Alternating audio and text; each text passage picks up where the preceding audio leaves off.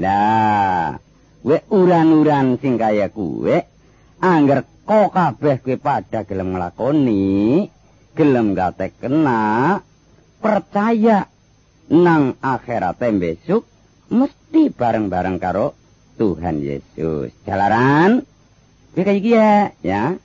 Dedalane guna lawan yekti.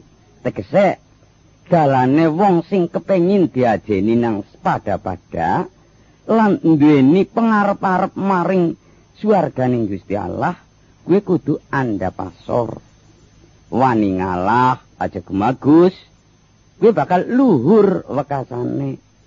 Nah buktine Gusti Yesus dewek jaman biyen rikala Tuhan ndawuhaken maring putrane ya kuwi Gusti Yesus supaya pada paring pitulduh yen pancen nang kono wong-wong utawa umat kudu pada emut karo Gusti Allah nang kono Gusti Yesus ya di hina pokoke karo wong-wong sing didoni sing di mekutani ri nganti disalib nganti dadi sedane.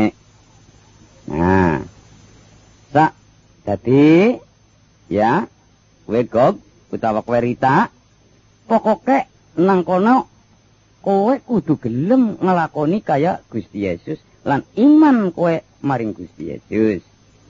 Pada baik karo Tuhan Yesus besok nang kono bakale kowe ditampak lan bakal diselenggarakna nang kono melu maring Gusti Yesus. Jalaran Tuhan menjelma ya tegese menjelma kue nang kono ngimbak dadi menungsa nganti seda disalib nang kono dina sing ping telune wungu terus munggah maring swarga.